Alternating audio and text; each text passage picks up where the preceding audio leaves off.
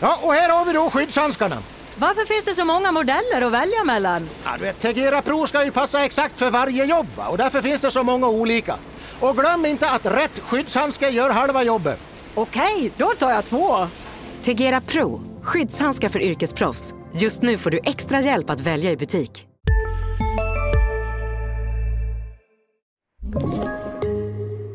Vi jubilerar och eh, fyller jämnt. Vi fyller faktiskt eh, lika mycket som du är i antal år och det innebär ju faktiskt nummer...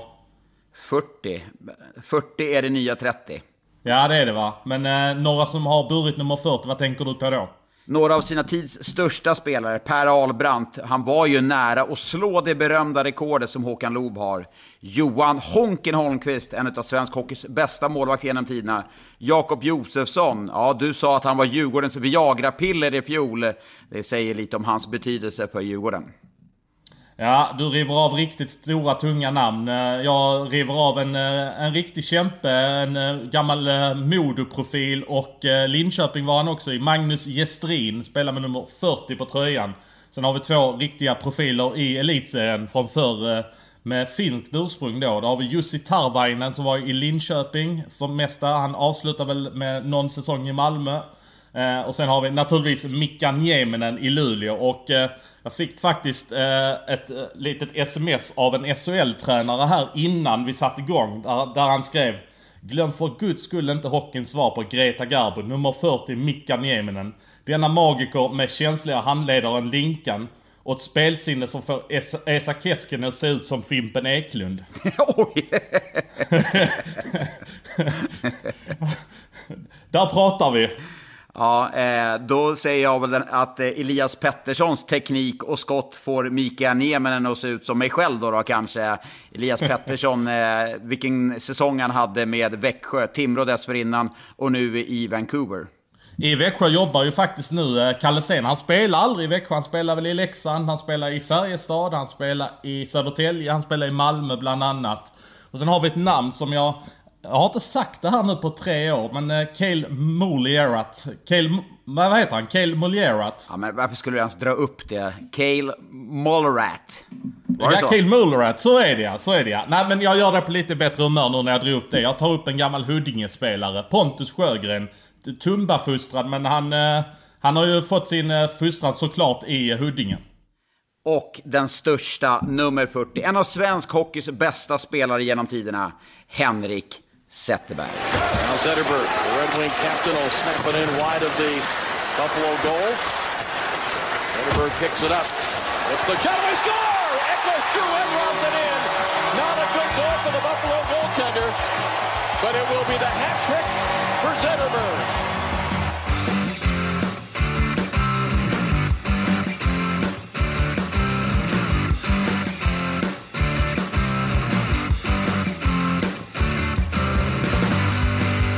Ja, nu har vi inte pratat om den här eh, coronakrisen på länge, men... Eh, och vi vill ju inte göra det egentligen heller, men eh, nu känner vi att det ändå är lite läge att göra det efter det som har hänt här i veckan när det är lag som har fått ställa in matcher eller skjuta upp matcher och det pratas om att man ska stänga SHL, det går rykten om det. Åke Unger var ute och skrev en tweet här och han är ett ganska respekterat namn i Hockeysverige så att det har blivit en liten debatt kring det. Vad, vad känner du nu när vi har vilat från den här coronadebatten här ett par veckor? Det är oundvikligt att prata om det nu, hur, hur eh, lite man än vill. Så eh, det är rakt framför oss nu. Linköping som har, jag menar, det ryktas om 17-20 spelare. Man kommer att behöva flytta 4-5 av deras matcher. Eh, det är ju Djurgården, och det här kommer ju bara att ta vid. Så det är klart att det är eh, någonting som man får respektera enormt mycket och sköta. Då tycker man ändå har gjort det bra. Eh, skjuter upp matcher, måste hitta nya speldatum. Eh, jag vet att en del skriker på att det här kommer inte hålla, men det, det är jag helt övertygad om att det kommer att göra. Eh, lag kommer att drabbas, matcher kommer att behöva flyttas. Det som jag reflekterar över är ju att hockeysäsongen har knappt hunnit starta en eh, fotbollsallsvenska har kört 25 matcher här nu och eh, där eh, har väl inte varit en enda match som har flyttats just på grund av coronan. Eller om det är en match i fotbollsallsvenskan och det blir väldigt mycket här så fort hockeyn har satt igång. BIK Karlskoga hade ju ett stort utbrott här i höstas också så att eh, någonting är ju skillnad helt uppenbart. Ja, det är det ju. Alltså, dels eh, så, alltså, det är mer, det är ju mer närkamper, närkontakt. Man är närmare varandra i, i spelarbås, eh, inte nödvändigtvis i omklädningsrum, för jag vet ju att många lag sitter i olika omklädningsrum. Jag var nere i Växjö här för någon vecka sedan och de sitter uppdelade i två omklädningsrum för att, för att inte sitta så nära varandra. Men det är klart att det, det, man är... Det, det blir oundvikligt. Alltså, och barn går tillbaka till skola, alltså livet återgår till normala, man är exponerad eh, i sin vardag. Så att, att, att det kommer in i hockeylag eh, eller på arbetsplatser eller skolor, det är oundvikligt. Nej, det är just det du säger, att det är ju mycket folk som vistas i olika miljöer och det... Det snackas ju till och med om att det har varit spelare ute på krogen och sådär också. Och där har vi alla sett bilder på hur det har sett ut ute på krogarna. Så att det, det, det är inte konstigt att det sker om, om spelare hänger ute på det sättet. Nej, och det är ju någonstans... Eh, det är förkastligt i det här läget. Eh, alltså nu är det ju... Eh, gör, spela hockey, gör ditt jobb. Försök undvika den typen av saker. Eh, eh, gå ut på krogen nu och det kan man ju faktiskt undvika. Det är ju inget måste. Gör de sakerna som man måste göra för att leva en vardag. Jag tror man... Vi är många som tappar respekten för det här och jag själv lite inkluderat, måste jag ändå säga. Jag tycker att jag har återgått ganska mycket till mitt normala liv. Och det är väl nu, framförallt när Linköping drabbas så hårt, som man har, okej, okay, nu är det på riktigt igen. Alltså jag var ju i Oskarshamn här i helgen och eh, där fick man verkligen känslan. Jag har nog aldrig varit med om hårdare tag kring det här Corona. Oskarshamn tog ju verkligen ansvar. Det var ju febermätare och det var enormt strikt att man skulle gå med någon när man skulle prata med spelare. Det var väldigt tydligt med avstånd. Eh, jag säger inte att andra har eh, nonchalerat det på något sätt men Oskarshamn tog det ju verkligen till en helt ny nivå. De här febermätarna som de har satt upp alltså.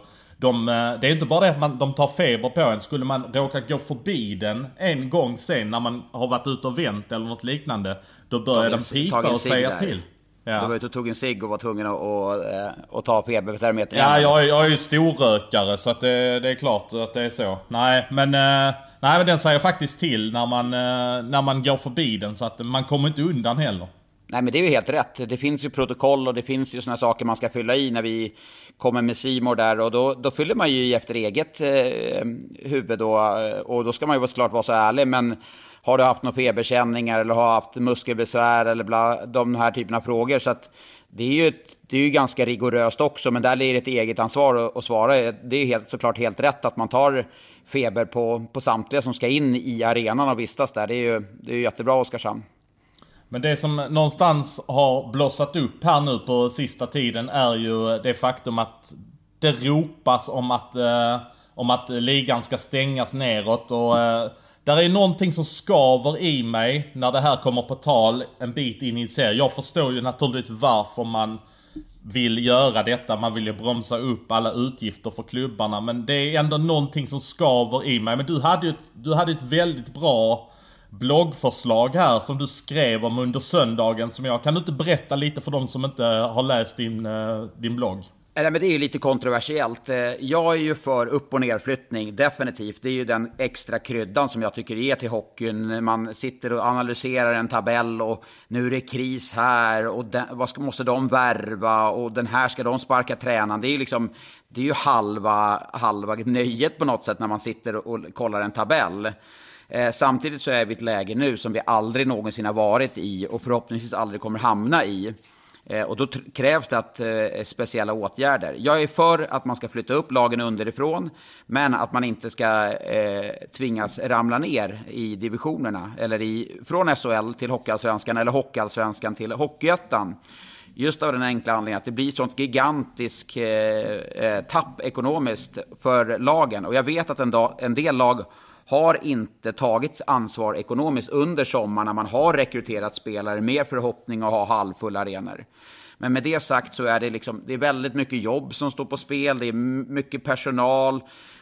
Det är, det är ett extremt läge och då krävs det extrema insatser. Och då var jag inne på att istället för att, att frysa den ett år så kan man frysa två eller tre år. Jag skrev tre år, men två, två eller tre år för att vad händer när man börjar, om man fryser nu då, nedflyttning nedflyttningen den här säsongen, sen kommer våren, då är det fortfarande samma cirkus igen inför kommande säsong. Då lägger du liksom ingen filt, du får inte ner kostnaderna, klubbarna, mm, man ska ha respekt för det, att klubbar som ligger i botten, de gör ju allt i sin makt för att klättra högre upp nästa år. Jag har legat i botten med Timrå, det är en press som är utan dess like, och speciellt i år när ekonomin går åt helvete för klubbarna. Ja, om man ponerar att detta sker, att man eh, då ska ha upp ett femtonde lag och då så småningom ett sextonde lag enligt din modell.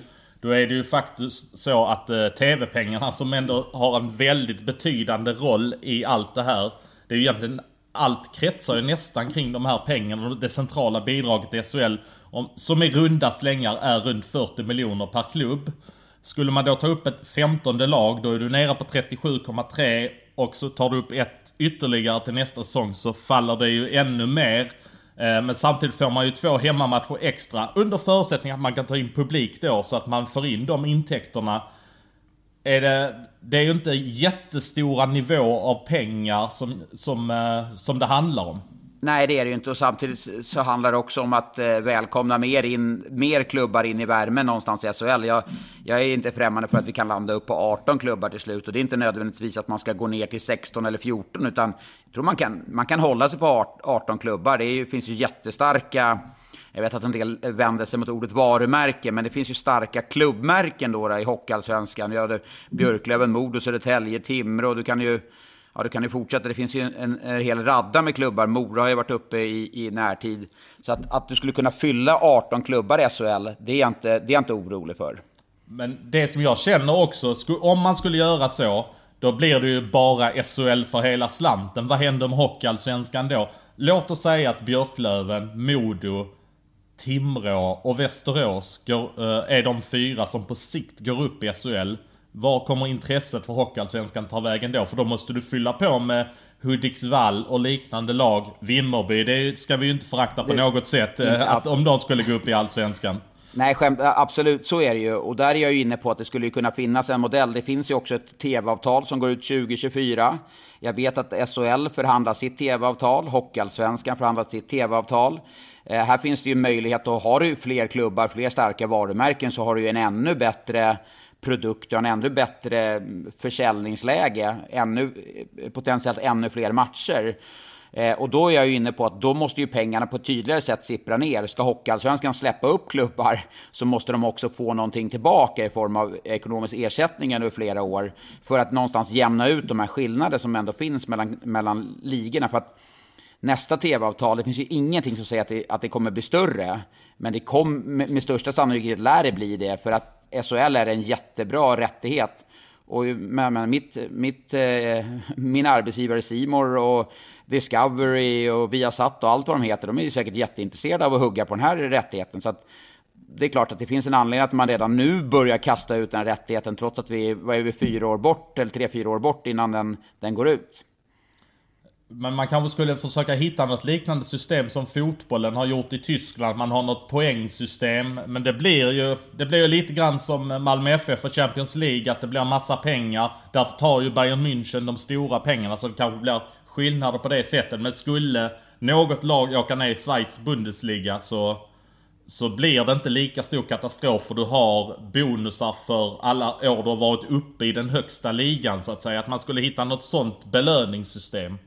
Ja, det blir också det blir ganska krångligt. Alltså, rak upp och nerflyttning är ju liksom det bästa egentligen. Nu har det varit fallskärmar hit och dit tidigare.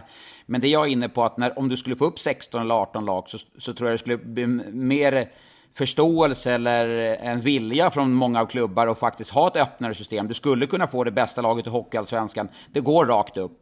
Eh, det sämsta i SHL, det åker rakt ur, vilket gör att det inte blir så jäkla svårt att åka ut. Lek med tanken att Malmö nu då skulle åka ut den här säsongen och man vet att nästa säsong så behöver man vinna serien för att vara, gå upp. Och gör man inte det så har man ytterligare chans att få kvala mot SHL-lag. Alltså, jag tror man måste se över hela den här, eh, det gedigna jobbet som Lundberg, är det Ulf eller eh, vad heter han? ja, jag, jag, jag höll på att säga Göran, men det hette han ju inte. Nej, men Lundberg i alla fall där. Ola, det är Ola. Han, Olas grabb heter ju Ulf. Det var ju det som man alltid har känt var tvärtom. Det borde vara... men, men jag tror man måste se över hela den kvalmekanismen igen eh, nu när vi är i det här läget. Och, och extrem, alltså extrema tider kräver extrema åtgärder. Och för, för tydliga, jag är för att man ska flytta upp lag. Det tycker jag är väldigt viktigt. Men för att detta ska ske så måste det ju komma ett konkret förslag från eh, SHL-klubbarna till eh, SIFs bord så att säga. Så att de kan klubba igenom det. Om vi tänker klubbarna i SHL, tror du att alla är rörande överens om att man vill göra något sånt här då? Ja, men alltså, om vi bara eh, kollar då. Givna lag som, som garanterat kommer vilja få igenom det här. Oskarshamn, mm. Malmö, mm. Leksand, Leksand, Linköping, Brynäs, Djurgården. Djurgården. Det, det är väl det är sex klubbar du har där. Ja, Örebro, och Växjö, och kanske se till sitt eget. Men samtidigt i det här läget, man kan inte vara egoistisk. Du måste se till alla klubbar i, nu i det här fallet SHL eller Hockeyallsvenskan som tidigare hade liknande förslag. Eh, de måste se till sitt bästa. Ja, men så är det ju. Så är det ju. Men vad tror du sådana klubbar som HV och Färjestad tänker då? Som ändå är lite halvt indragna i alla fall får vi säga i att riskera att behöva kvala neråt. Men de, alltså det är stora mäktiga klubbar och, och tidigare var det ju när, eh, när jag spelade så var det ta där Frölunda, HV, Linköping, Färjestad, Djurgården. De skulle ju nästan brytas ur SHL och starta en Europaliga. Då känd, på den tiden kändes det inte som att SHL satt ihop på samma sätt. Jag tror att man har en tydligare bild nu med Johan Hemlin som styr lite mer att det finns en mer tydlighet eh, klubbarna emellan tror jag. Det blir ju ganska mycket klubb för inbördes beundran kan jag tycka när man, när man, gör, när man vill göra sådana här enhetliga beslut. Att man går samman på, på ett sådant sätt. Jag är ju emot det här i grunden. Det är, liksom, det är någonting som strider mot det svenska systemet med liksom upp och nerflyttning. Men vi är ju en tid som inte är hanterbar för klubbarna. Och jag, jag vet, en del klubbar har inte skött det ordentligt. Det är jag första att erkänna. Och det finns ju också en risk som vi ska ta hänsyn till att om klubbar då går upp i SHL, det finns ju en satsning som klubbar eventuellt gör som de kanske inte har, har eh, liksom täckning för i Hockeyallsvenskan. På samma sätt som SHL-klubbar har gjort som inte har riktigt täckning för nu. Ja, som sagt det är någonting som verkligen skaver inom mig men eh, det, det, är som du säger att uh, märkliga tider kräver. Nej men jag, jag, nej, jo men jag tycker ju ändå att man kanske ska göra det men det, jag tycker ändå det, det är väldigt, det är en knivig linje det här alltså att, att göra det när man väl har satt igång och Alltså vad, vad kommer hända? Men vad kommer hända? Låt säga att, eh, att det sker nu. Vad, vad, vad, ska, vad ska Malmö och Linköping och Oskarshamn, ja Oskarshamn är ju inte där nere men de flesta kanske förväntar sig att de ska vara där nere till slut. Och Djurgården till exempel. De kommer inte värva en spelare till. Och det är ju givetvis det som är anledningen. Men det, Ja, du tar ju bort den dramatiken och det, och det är ju jättetråkigt. Den dramatiken är ju nästan ofta mer än halva när man, när man sätter sig i en studio inför en, en torsdag eller lördag. Då tittar man, oj, oj, oj, Malmö då mot Oskarshamn. Förlorar de den, då är de si och så många. Och kolla Leksand då, de möter ju Färjestad. Och så börjar man titta och jämföra, vilka, vilka kan dra nytta av den här? Och de, Örebro förlorade, nej, Växjö vann, tvärtom hit och dit. Då sitter man och jämför med alla lag. Jag, jag bara fick en riktig snilleblixt här nu. Jag vet inte om det, är, om det är, eh, går att genomföra men då skulle man ju faktiskt kunna göra någonting i stil med att alla de tio lagen som går till slutspel att de får lov att välja en spelare av alla, av de fyra lagen som inte går till slutspel just den här säsongen och kanske den nästa om ditt förslag går igenom. Eh, att de får ta med sig en spelare från de lagen så de får en morot med sig in. Okej, okay, Luleå vinner serien. Ni får välja en spelare under förutsättning att den spelaren går med på det också. Ja, det, lät ju, det lät ju ganska ogenomförbart, men eh, väldigt roligt och en extra morot att vinna serien. Eh, det är kul om Rögle då går och vinner serien och tar Fredrik Händemark. Det vore ju en extra liksom, liten twist i det hela. Ja men precis, det var lite det jag tänkte också. Men äh, det är som du säger, det kanske inte riktigt går att genomföra. Men du, det har faktiskt varit en positiv grej i den här coronadebatten under veckan. Och det är ju att 300 personer får komma in på arenorna.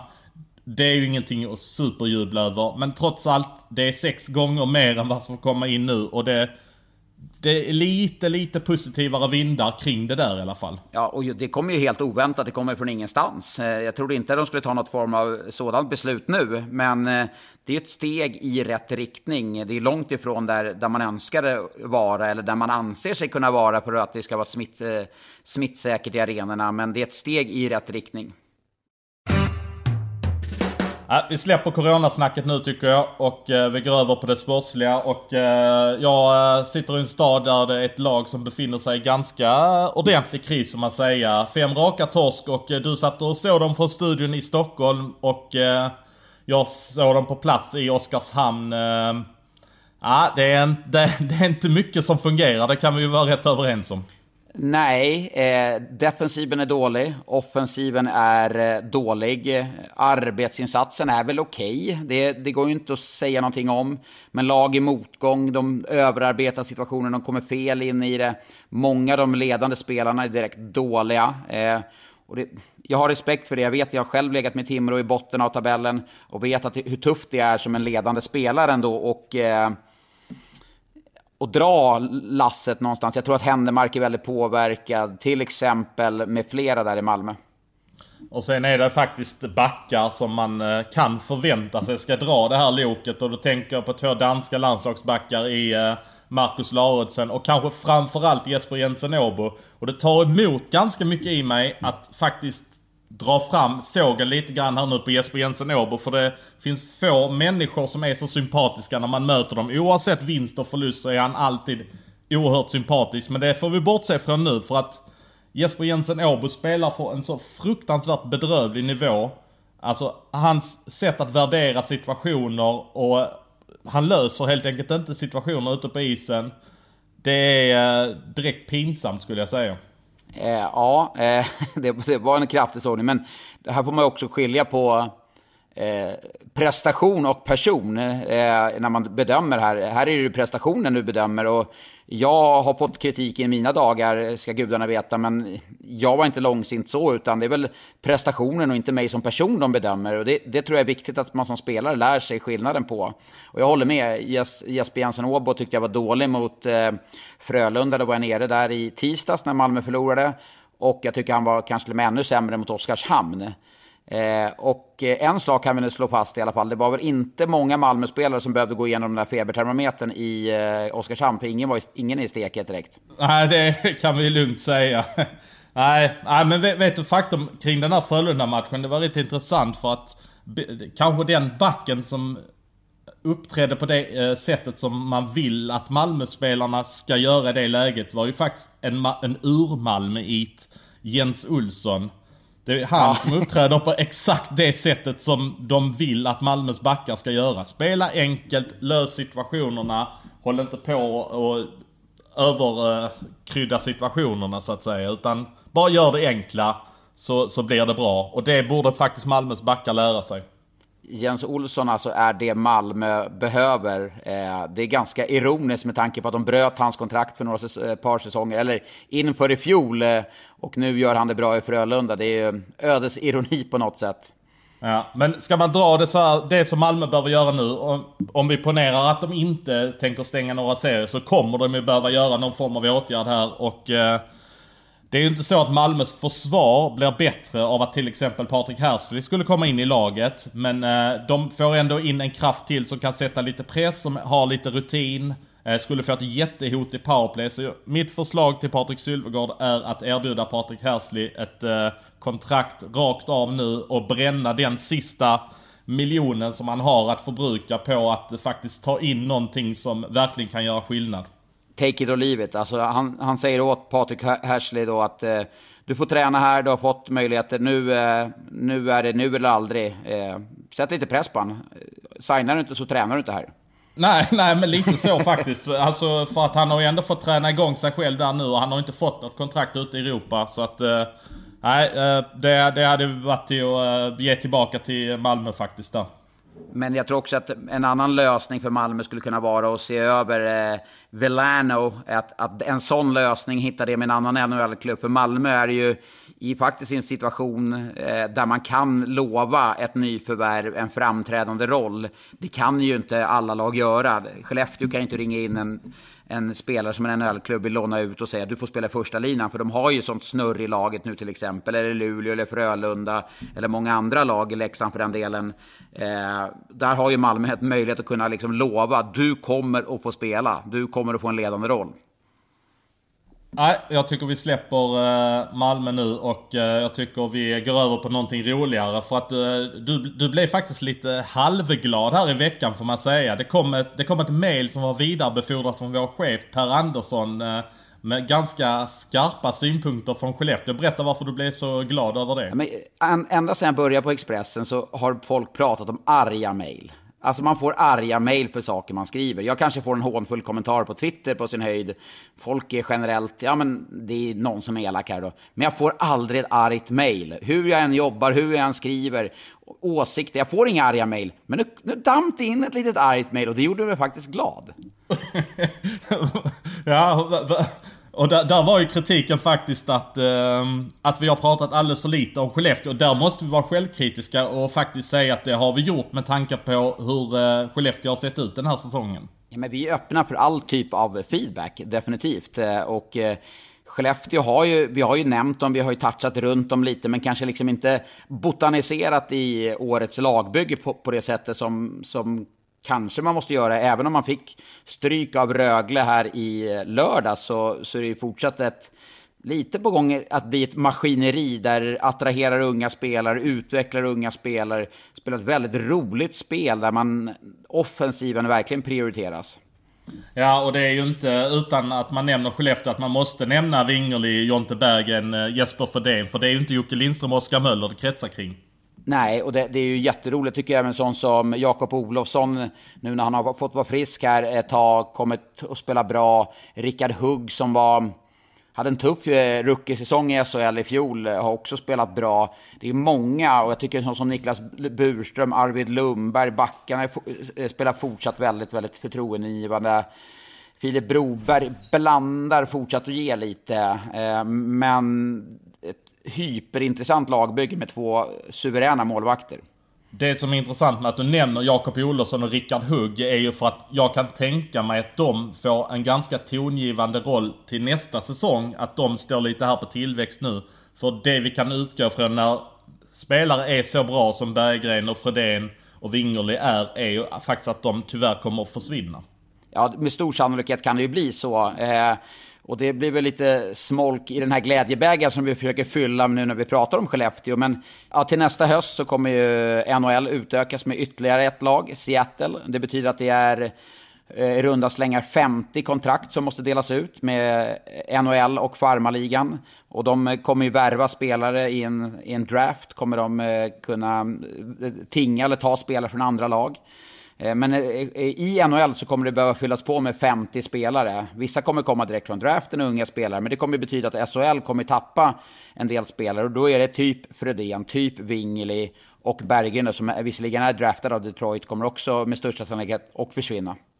Ja, och då, då blir det ju ett väldigt viktigt jobb för en sån som Erik Forsell att han kanske behöver hitta något fynd. Eh, de hittar ju Jesper Fredén i AIK till exempel och eh, har fått stå lite på tillväxt. Man kommer ju behöva hitta den typen av spelare som man gör bra i sin miljö. Ja, och där, och där hör jag ju kring Erik Forsells jobb att eh, nu, nu blev det ju lite avbrott här i... Um, på grund av att de valde att skjuta upp all kontraktskrivning inför kommande säsong ett par veckor här nu. Men där vet jag att han till exempel visat ganska stort intresse för Linus Öberg som har haft en bra säsong i Örebro. Eh, där kontraktet går ut och eh, där han sitter i en jättebra sits där eh, han kanske vill hitta någonting annat eller kanske vill vara kvar i Örebro, det vet jag inte. Men Skellefteå har i alla fall varit på och deklarerat sitt intresse för honom. Ja, och det, det, är någonstans där Skellefteå landar in för mig. Attrahera unga spelare, utveckla unga spelare, ge dem förutsättningar att ta nästa steg. Och det gjorde man ju så väldigt bra där när man hade visserligen en stark stomme med Eriksson, Möller, Lindström, Bud Holloway. Men spelarna som kom underifrån och fyllde på också, de var ju jäkligt bra på den tiden. Och den dynamiken tycker jag man har fått nu också. Även om du som du var inne på, det, att Möller och Lindström inte har levererat och Kiskinen för den delen också, som eh, förväntat. Men då hade de ju också helt sjuka generationer som kom från J20-laget. Alltså det var ju snudd på brutalt hur den utdelningen, de fick ju upp alltså två, tre spelare på varje årgång och den utdelningen är ju svår att uppnå igen. Ja, de har ju de har några jättefina talanger. Albin Sundsvik är med och spelar nu 01. Han kommer, han kommer att ta steg. eh, Hej, Synoptik här. Visste du att solens UV-strålar kan vara skadliga och åldra dina ögon i förtid? Kom in till oss så hjälper vi dig att hitta rätt solglasögon som skyddar dina ögon. Välkommen till Synoptik. Just nu pågår vår stora season sale med fantastiska priser på möbler och inredning. Passa på att fynda till hemmets alla rum, inne som ute, senast den 6 maj. Gör dig redo för sommar. Välkommen till Mio.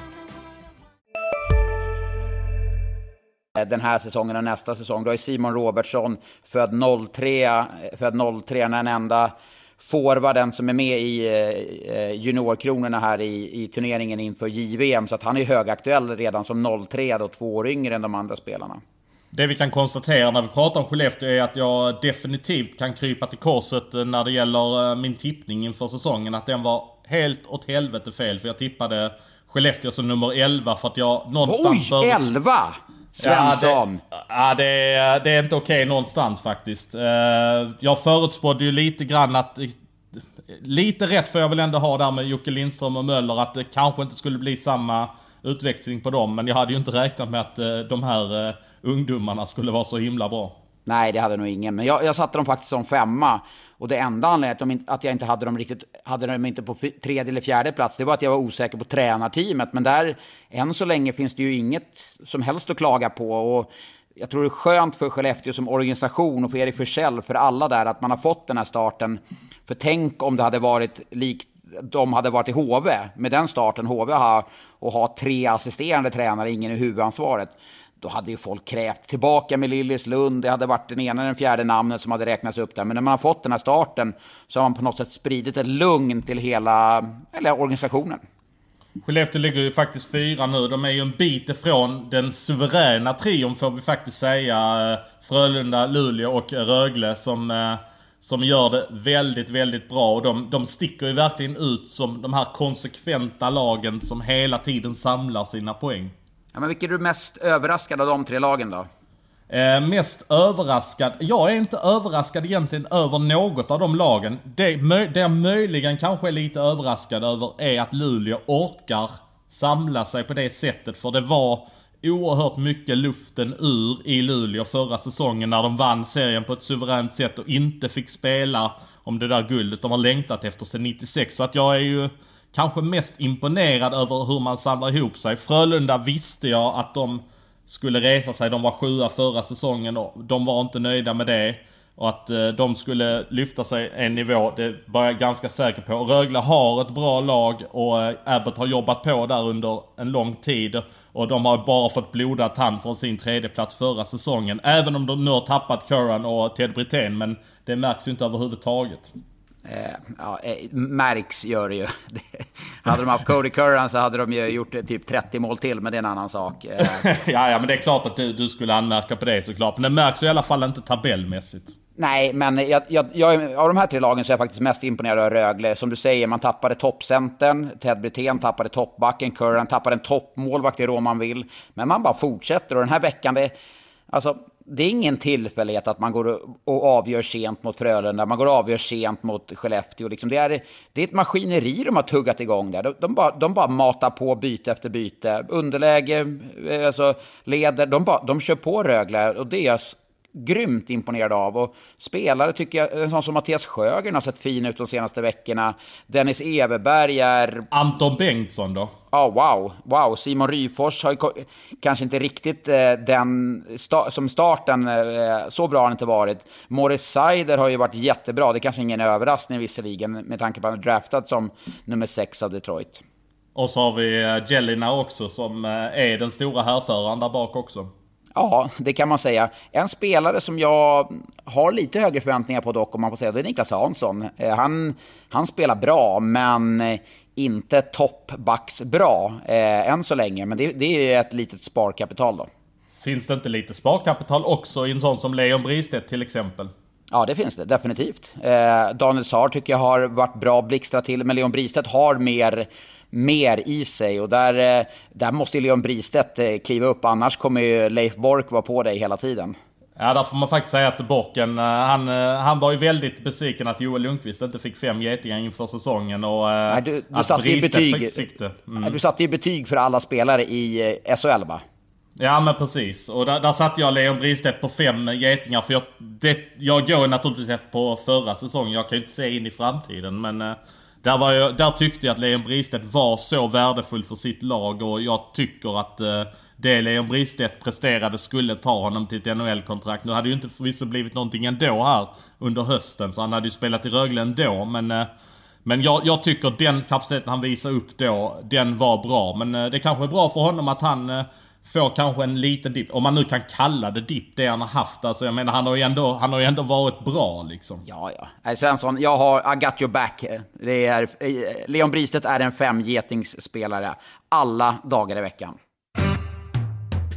Du, på tal om arga mail. Jag fick faktiskt eh, ett argt mail efter att jag varit i Oskarshamn. Att jag i mitt matchreferat, eh, som, eh, som den här läsaren kallade. Nu skriver vi kanske inte riktigt matchreferat på, efter matcherna, men att vi fokuserade lite för mycket på det negativa och ingenting alls på eh, Oskarshamns eh, faktum att de eh, de ligger väl sjua i tabellen nu och det är ju, det är ju jättebra. De, de har ju ett bra spel och eh, de har ett powerplay som man kan luta sig mot. Och jag pratade med Martin Filander efter matchen. Han stod ju nästan och var besviken när de bara hade 33% i powerplay i matchen.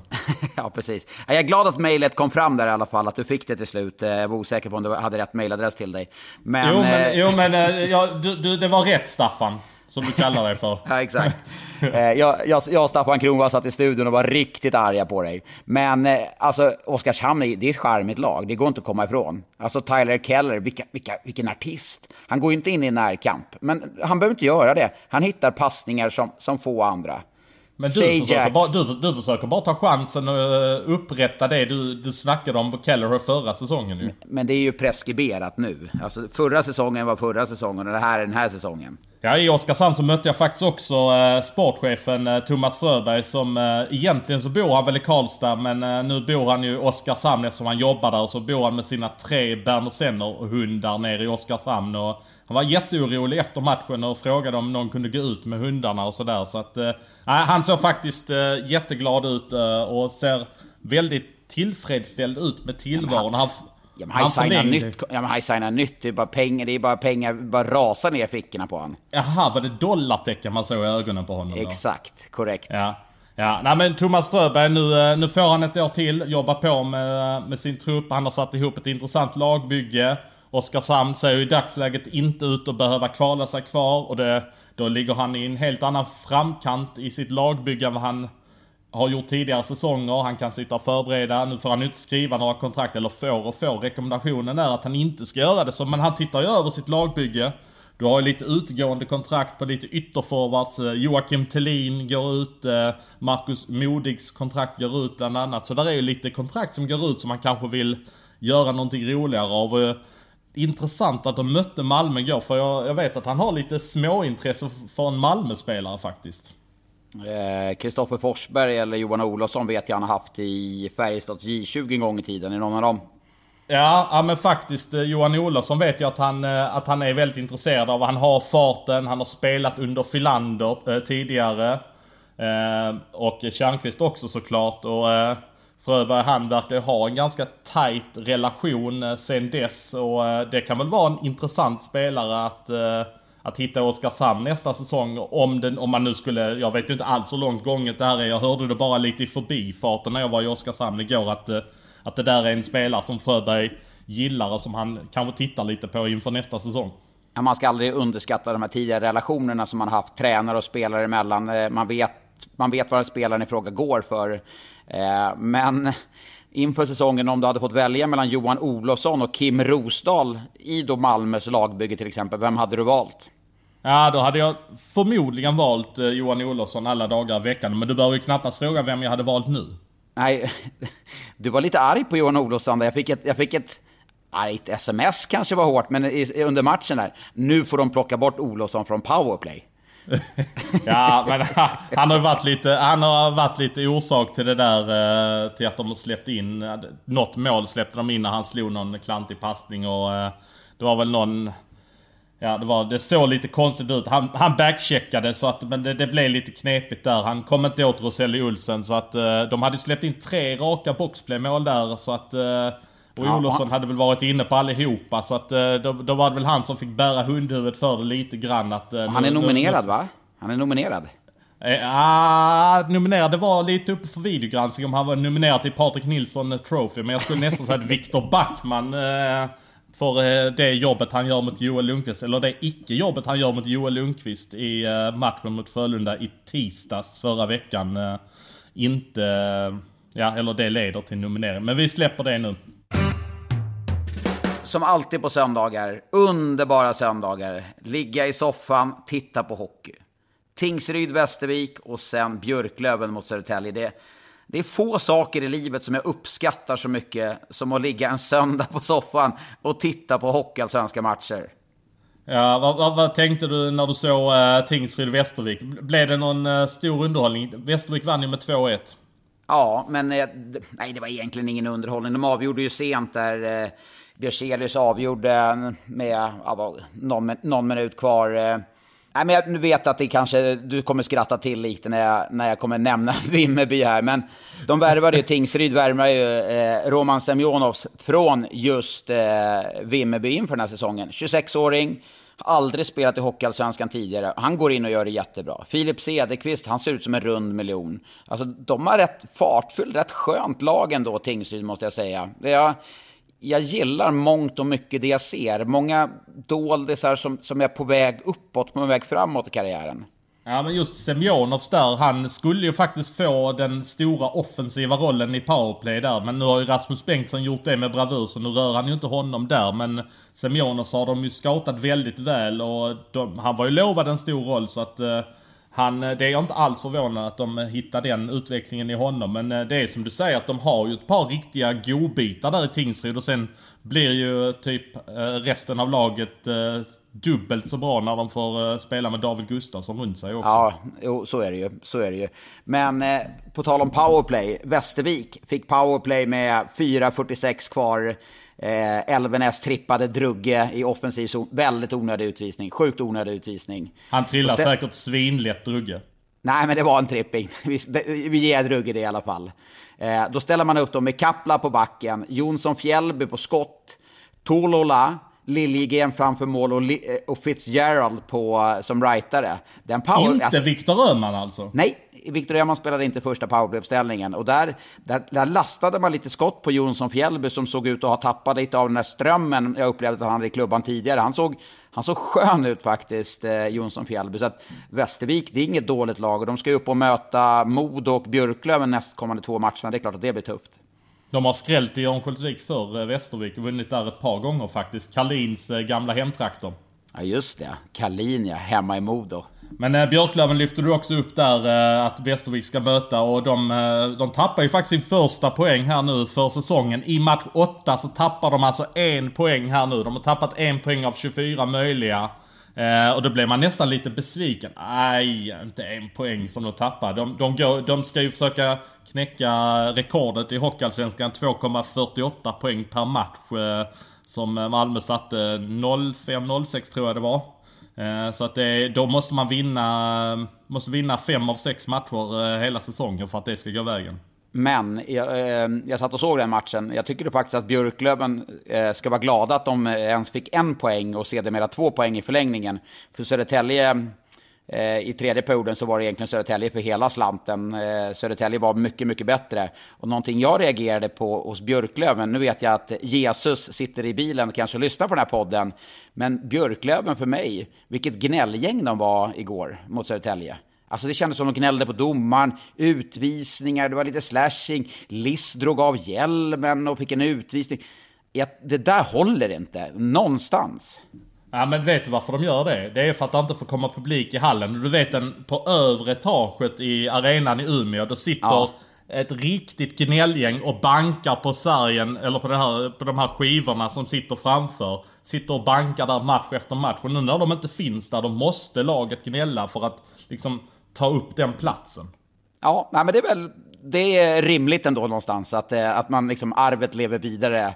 Men Björklöven är ju, alltså de är ju ruskigt bra. Det är, jag gillar ju när transatlantkedjan tycker jag. De driver det där laget med, med Wessel i, i spetsen. Och de, de är grymma helt enkelt. Men eh, Nej, ingen supermatch av Björklöven som dock avgjorde vid en härlig variant där på slutet. Att Fredrik Andersson åkte full fart och bytte i, eh, liksom, i båsdörren längst ner mot eget mål. Oskar Sten hoppar in i båsdörren vid andra eh, uppemot... Uh, uh, uh, stopp, stopp där, stopp där. Vet du vad det, ett sånt byte kallas? Nej, nej. Det kallas ett Färjestadsbyte. Gör det det? Men det ja. var långt före min tid i Färjestad. Ja, äh, det, ja, alltså vi är tillbaka någonstans runt 99-00 ja, där. Ja, äh, så jag vet inte vilka det var som sysslade med dem. Det var Christian Berglund och Wallin och de som sysslade med det. Men jag fick lära mig det faktiskt på en, på en match i Örnsköldsvik 2001. Äh, att det skedde ett sånt byte. Var det någon modoit som kom fram och sa äh, sa, vet du vad ett sånt byte kallas? Det kallas ett Färjestadsbyte. Och då var det ju inte oväntat att Oskar Sten var inblandad i det där bytet. Ja, du ser. Färg, han har satt sin prägel då på, på, på Björklöven redan nu, Oskarsten. Ja men verkligen, verkligen. Men i Hockeyallsvenskan så finns det en sak som jag behöver ta upp. För att nu har det varit löneutbetalningar här eh, den senaste veckan eftersom det har varit 25 som eh, eh, inträdde under söndagen och så är det ju då löneutbetalning på fredagen. Men det är ju lite knepigt nu för eh, ett antal allsvenska klubbar eftersom eh, pengarna från Tillväxtverket efter permitteringarna fortfarande sackar efter. Så gör det ju att, eh, att klubbarnas likviditet är riktigt risigt på det nu. Och det kommer ju moms och skatt som ska betalas här den 12 november. Och är det så att man inte eh, lyckas eh, betala in det, då kan man inte permittera för då är du bränd för att göra det. Så att de har hamnat i någon form av moment 22 där Oj. för att för att det är ändå rätt mycket pengar som ska ut från Tillväxtverket sedan juni månad på många ställen. Så det, det, blir en väldigt knepig situation. Tillväxtverket måste öka på tempot. Det här, det här är ju inte bara några hockeyklubbar som drabbas av det. Nej, utan det är, ju, det är ju många företagare som har det här problemet. Att eh, när skatter och moms och, eh, och löner går ut så försvinner likvida medel från kontot och eh, det kommer inte in några likvida medel så att säga. Nej, och Hockeyallsvenska klubbarna eh, med all respekt har ju inte någon, någon börs att röra sig med sedan tidigare med sparade pengar. Så att, alltså, tror du något lag i Hockeyallsvenskan kommer att gå omkull den här säsongen?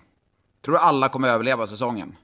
Jag, jag, jag, vet faktiskt inte det. Jag, jag, vet inte om man ska ge sig in i en spekulation på det. Men eftersom du ställer frågan så... Jag, säger ändå nej. Jag, hoppas ändå att det, nej, finns så, att det finns så pass starka krafter någonstans som backar upp. Om det, om det nu skulle vara Tingsryd eller Västervik eller Vita Hästen eller vilka det nu är. Att, att kommunen drar sitt strå till stacken där. Att, att det är den absolut sista utvägen så att man löser den typen av saker fram till pengarna kommer från eh, Tillväxtverket för att eh, ja, det, det betyder mycket för kommunerna, många av de här klubbarna. Ja, där vi ändå är och rotar runt i Hockeyallsvenskan så är det ofrånkomligt att eh, prata Jonathan Dahlén. Eh, tre poäng till i fredags. Eh, rusar i full galopp mot det där poängrekordet. Han behöver ju faktiskt bara göra 1,44 poäng per match nu för att eh, ta det rekordet eh, som Jonathan Jonsson hade förra säsongen på 79 poäng. För att komma upp i 80 behöver han göra 1,44 och han snittar alltså 3,0 de senaste fem matcherna. Men vänta, det... sätter du, när, när, han gör poäng, sätter du liksom med miniräknaren och börjar räkna liksom, efter varje poäng han gör? För du, finns ingen som kan komma med sådana siffror som du gör, bara rakt upp och ner hur som helst. Ja, men jag satt faktiskt efter matchen här i fredags och eh, då satt jag och räknade på vad, vad, han kommer behöva här nu. Och eftersom jag ser att han har drivit upp ett sånt vansinnigt poängtempo så eh, vill jag ändå räkna på vad, vad kommer egentligen krävas av honom. Och 1,44 poäng låter ju ruggigt mycket för vem som helst. Men när det gäller Jonathan Dahlén att han skulle göra 1,44 poäng per match känns ju väldigt lite faktiskt det här tar ju lite emot. Vi var ju på Södertälje och nafsade lite där med Bouchard. Han hade inte fått sitt namn på tröjan. Anders Huss, en gammal god vän till mig i materialare i Timrå. Men vad är det som händer? Ja, vad är det som händer? För Ja, Bokvist och Lundström har ju faktiskt inte fått namn på sina tröjor. Jag, jag tänkte faktiskt ta det redan i förra veckans podd. Då tyckte jag det såg lite illa ut att de... Eh, nej, jag tyckte inte det såg lite illa ut. Jag tycker det ser för jäkla illa ut rent ut sagt. Eh, att de åker runt utan namn på tröjorna. Eh, det är väl någon leveranstid eller något liknande. Men nej, de får sätta sig vid maskinen och sy upp de där namnlapparna nu tycker jag. För att nu är det dags att få dit namnen på tröjorna. Vi, vi släpper den, vi ska inte gnälla för mycket på det där. Men det är dags att höja sig på den fronten nu. Härligt med alla frågor som dök in i söndags och en fråga som många har ställt till oss, eh, Svensson, är ju avstängningar nu när matcher flyttas. Då. Till exempel Djurgårdens Marcus Högström. Djurgården var tvungen att flytta matcher på grund av corona. Eh, Likaså med Linköping där man har Frycklund avstängd. Då kan du redogöra vad som sker när matcher faktiskt flyttas. Ja, det sker ju egentligen eh, inte mycket mer än att eh, spelarna har ju redan fått ett datumbestämt, eh, en datumbestämd tid så att säga på, eh, på sina straff. Eh, så eh, som Frycklund, han skulle ju bli spelklar här till eh, torsdagens match. Han var ju avstängd till och med den 27 då som blir på tisdagen. Att han eh, skulle missa fram till den. Eh, men eh, nu eh, kommer han ju få spela de matcherna som han var tänkt att vara borta. Det beror ju på att Riksidrottsförbundet är ju de som sätter... Eh, man, man måste synka det med dem på något sätt om jag har förstått det rätt va? Ja, exakt. Och det, det är ju enligt deras stadgar så är det datum eh, tidsbestämt. Och eh, nu när matcher flyttas så blir det lidande. Och det kan man ju tycka, ha åsikter om. Men det, det är ju de gångerna systemet inte riktigt harmonierar med verkligheten som vi nu lever i. Ja, vi tar en eh, också från Andreas Mattsson och sen så kan vi be Andreas Mattsson att eh, sätta in 100 kronor till Barncancerfonden efter sin fråga eftersom han säger så här.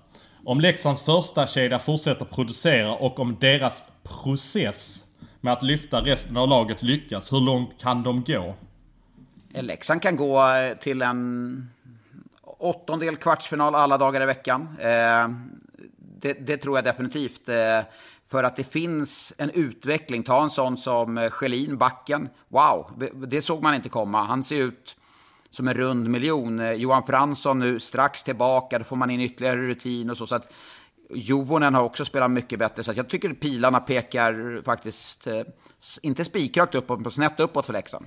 En sak som jag har reflekterat över när det gäller Leksand är att det måste finnas oerhört mycket eh, potential också i Matt Cato eh, som vi inte riktigt har sett blomma ut eh, som kanske Leksand hoppades Nej, men på. bättre. Han är bättre och bättre tycker jag. Match för match. Och samma sak med Otto Pajanen som vi var lite kritiska mot. Han, han har fått fart på skridskorna, sin skridskoåkning ser bättre ut. Så att det finns ändå, alltså Keito och Pajanen, de blir bättre och bättre.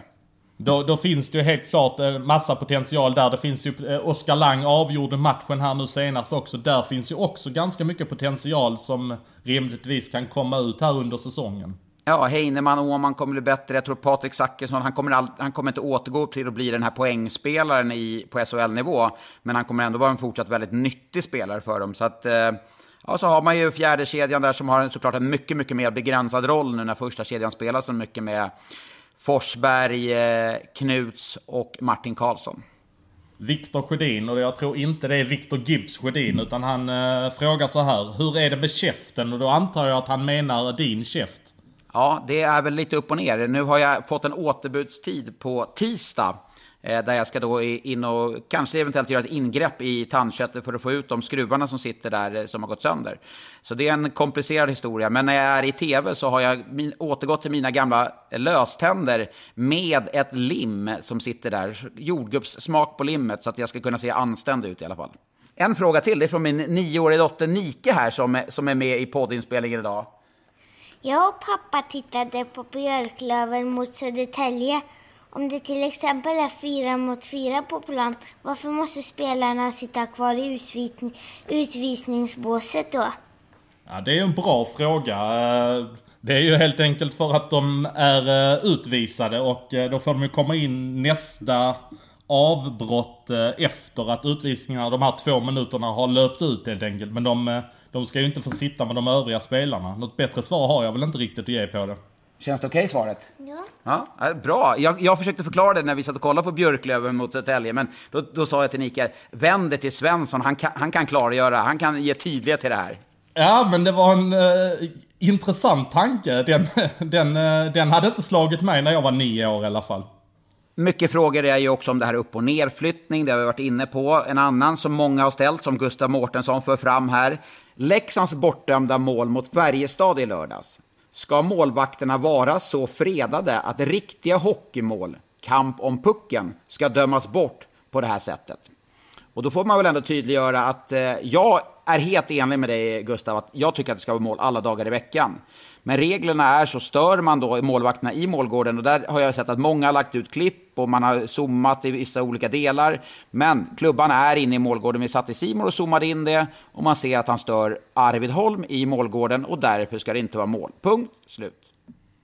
Man är helt enkelt konsekventa, det är inte, det är inte mer med det. Nej, och jag tycker ju att man kan öppna upp för det här, men nu är vi där vi är och då får man någonstans acceptera att det är så det är, även om jag förstår att många, och mig inkluderat, tycker att det ska vara mål. Men regelboken säger det motsatta. Ja, det var en hel del frågor som kom in. Eh, det var ju över 70 svar du fick där på den tweeten du la ut under söndagen. Så att eh, det, var, det är mycket som engagerar och eh, vi, vi plockar naturligtvis upp mycket även under det ordinarie avsnittet så att säga. Men eh, nu äh, utmanade jag dig förra veckan, så nu ser jag fram emot att få en utmaning tillbaka. Du satte upp regelverket förra veckan. Du får alltså välja mellan ett lag, ett årtal, en spelare eller en årgång. Och då blir min enkla och raka fråga till dig Svensson, vad väljer du? Ja, eftersom jag äh, klappar mig själv i bröstet på att jag är så duktig på årtal så väljer jag att sätta lite press på mig själv här nu och ta ett årtal. Årtal accepterat. Är du beredd? Mm. Jag är beredd, men eh, med risk att göra bort sig nu. Att man är för kaxig. Men vi kör.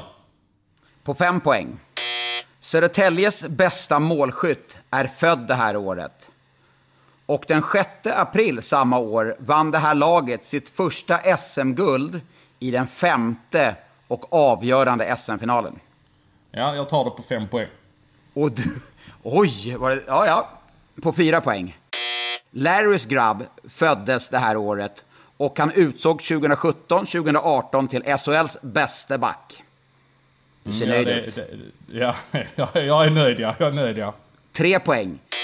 Finland vann sitt första VM-guld efter finalseger mot Sverige i Globen. Mm. På två poäng. Det här året blev Sune Bergman kung Sune. Oj, vad säker jag är nu. På ett poäng. Det här var året efter OS-guldet i Lillehammer. Och då är vi på 1995. Ja, men du levererar Svensson. Du sa att du vass på årtal. Det, det, det får man ge dig ändå. Du, du levererar. Ja. Ja, jag fick, eh, jag fick pussla lite för jag vet att eh, Färjestad tog SM-guld på 6 april också. Jag vet att HV och Färjestad tog SM-guld på just datumet 6 april. Färjestad gjorde det 2002 när de slog Modo med 3-0 i matcher. Så att då visste jag att det var 6 april. Då var det, jag valde mellan de två men så snackade de om Södertäljes eh, poängkung. Jag vet, jag antar att du menar Nick Olesen då som är född ja. 1995. Ja, och på fyra poäng. Larrys grabb, vem var det då?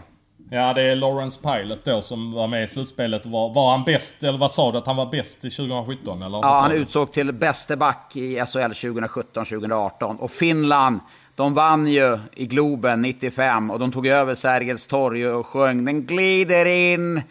Just ja, det. det var, vilka, det... vilka var uh, spelarna i uh, kedjan? Ville Peltonen och vem var det mer?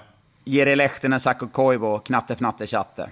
Just det ja. Just och sen med gamla Malmöhjälten eh, Marco Kiprosov på backen. Ja, så var det ja. Eller han var inte gammal Malmöhjälte då. Han gick ju till Malmö något år efter där och Men var numera är han gammal Malmöhjälte. Och på två poäng, Sune Bergman blev ju kung Sune då 95 när HV vann SM-guld och Sverige vann i OS-guld i Lillehammer 94. Ja, men starkt jobbat Svensson. 5-4 eh, då, eh, stark start av dig. Får jag lov att välja årtal nästa gång eller måste jag välja no Nu måste jag nästan välja någonting annat nästa gång. Du väljer vad du vill. Du har fyra alternativ, du får välja exakt vad du vill. Men när det är årtal så vet jag att jag kommer inte nämna datum. Jag kommer liksom köra någon, någonting väldigt lurigt där kan jag säga. ja, vi får se var vi tar det vägen då. Men uh, ja, det var en kul start för mig på denna tävlingen, denna säsongen då. Ja, vi tackar för visat intresse eh, och eh, hoppas ni är tillbaka med oss eh, nästa måndag. Vi hörs och syns.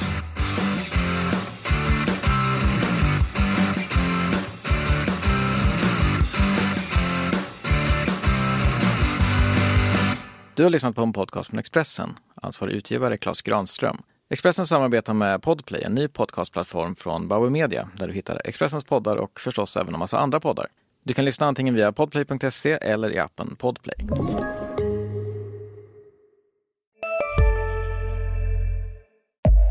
Upptäck hyllade XPeng G9 och P7 hos Bilia. Våra produktspecialister hjälper dig att hitta rätt modell för just dig. Boka din provkörning på bilia.se xpeng redan idag. Välkommen till Bilia, din specialist på XPeng. På Sveriges största jackpot-kasino går hypermiljonen på högvarv. Från Malmö i söder till Kiruna i norr har hypermiljonen genererat över 130 miljoner exklusivt till våra spelare. Välkommen in till Sveriges största jackpot-kasino, hyper.com. 18 plus, regler och villkor gäller.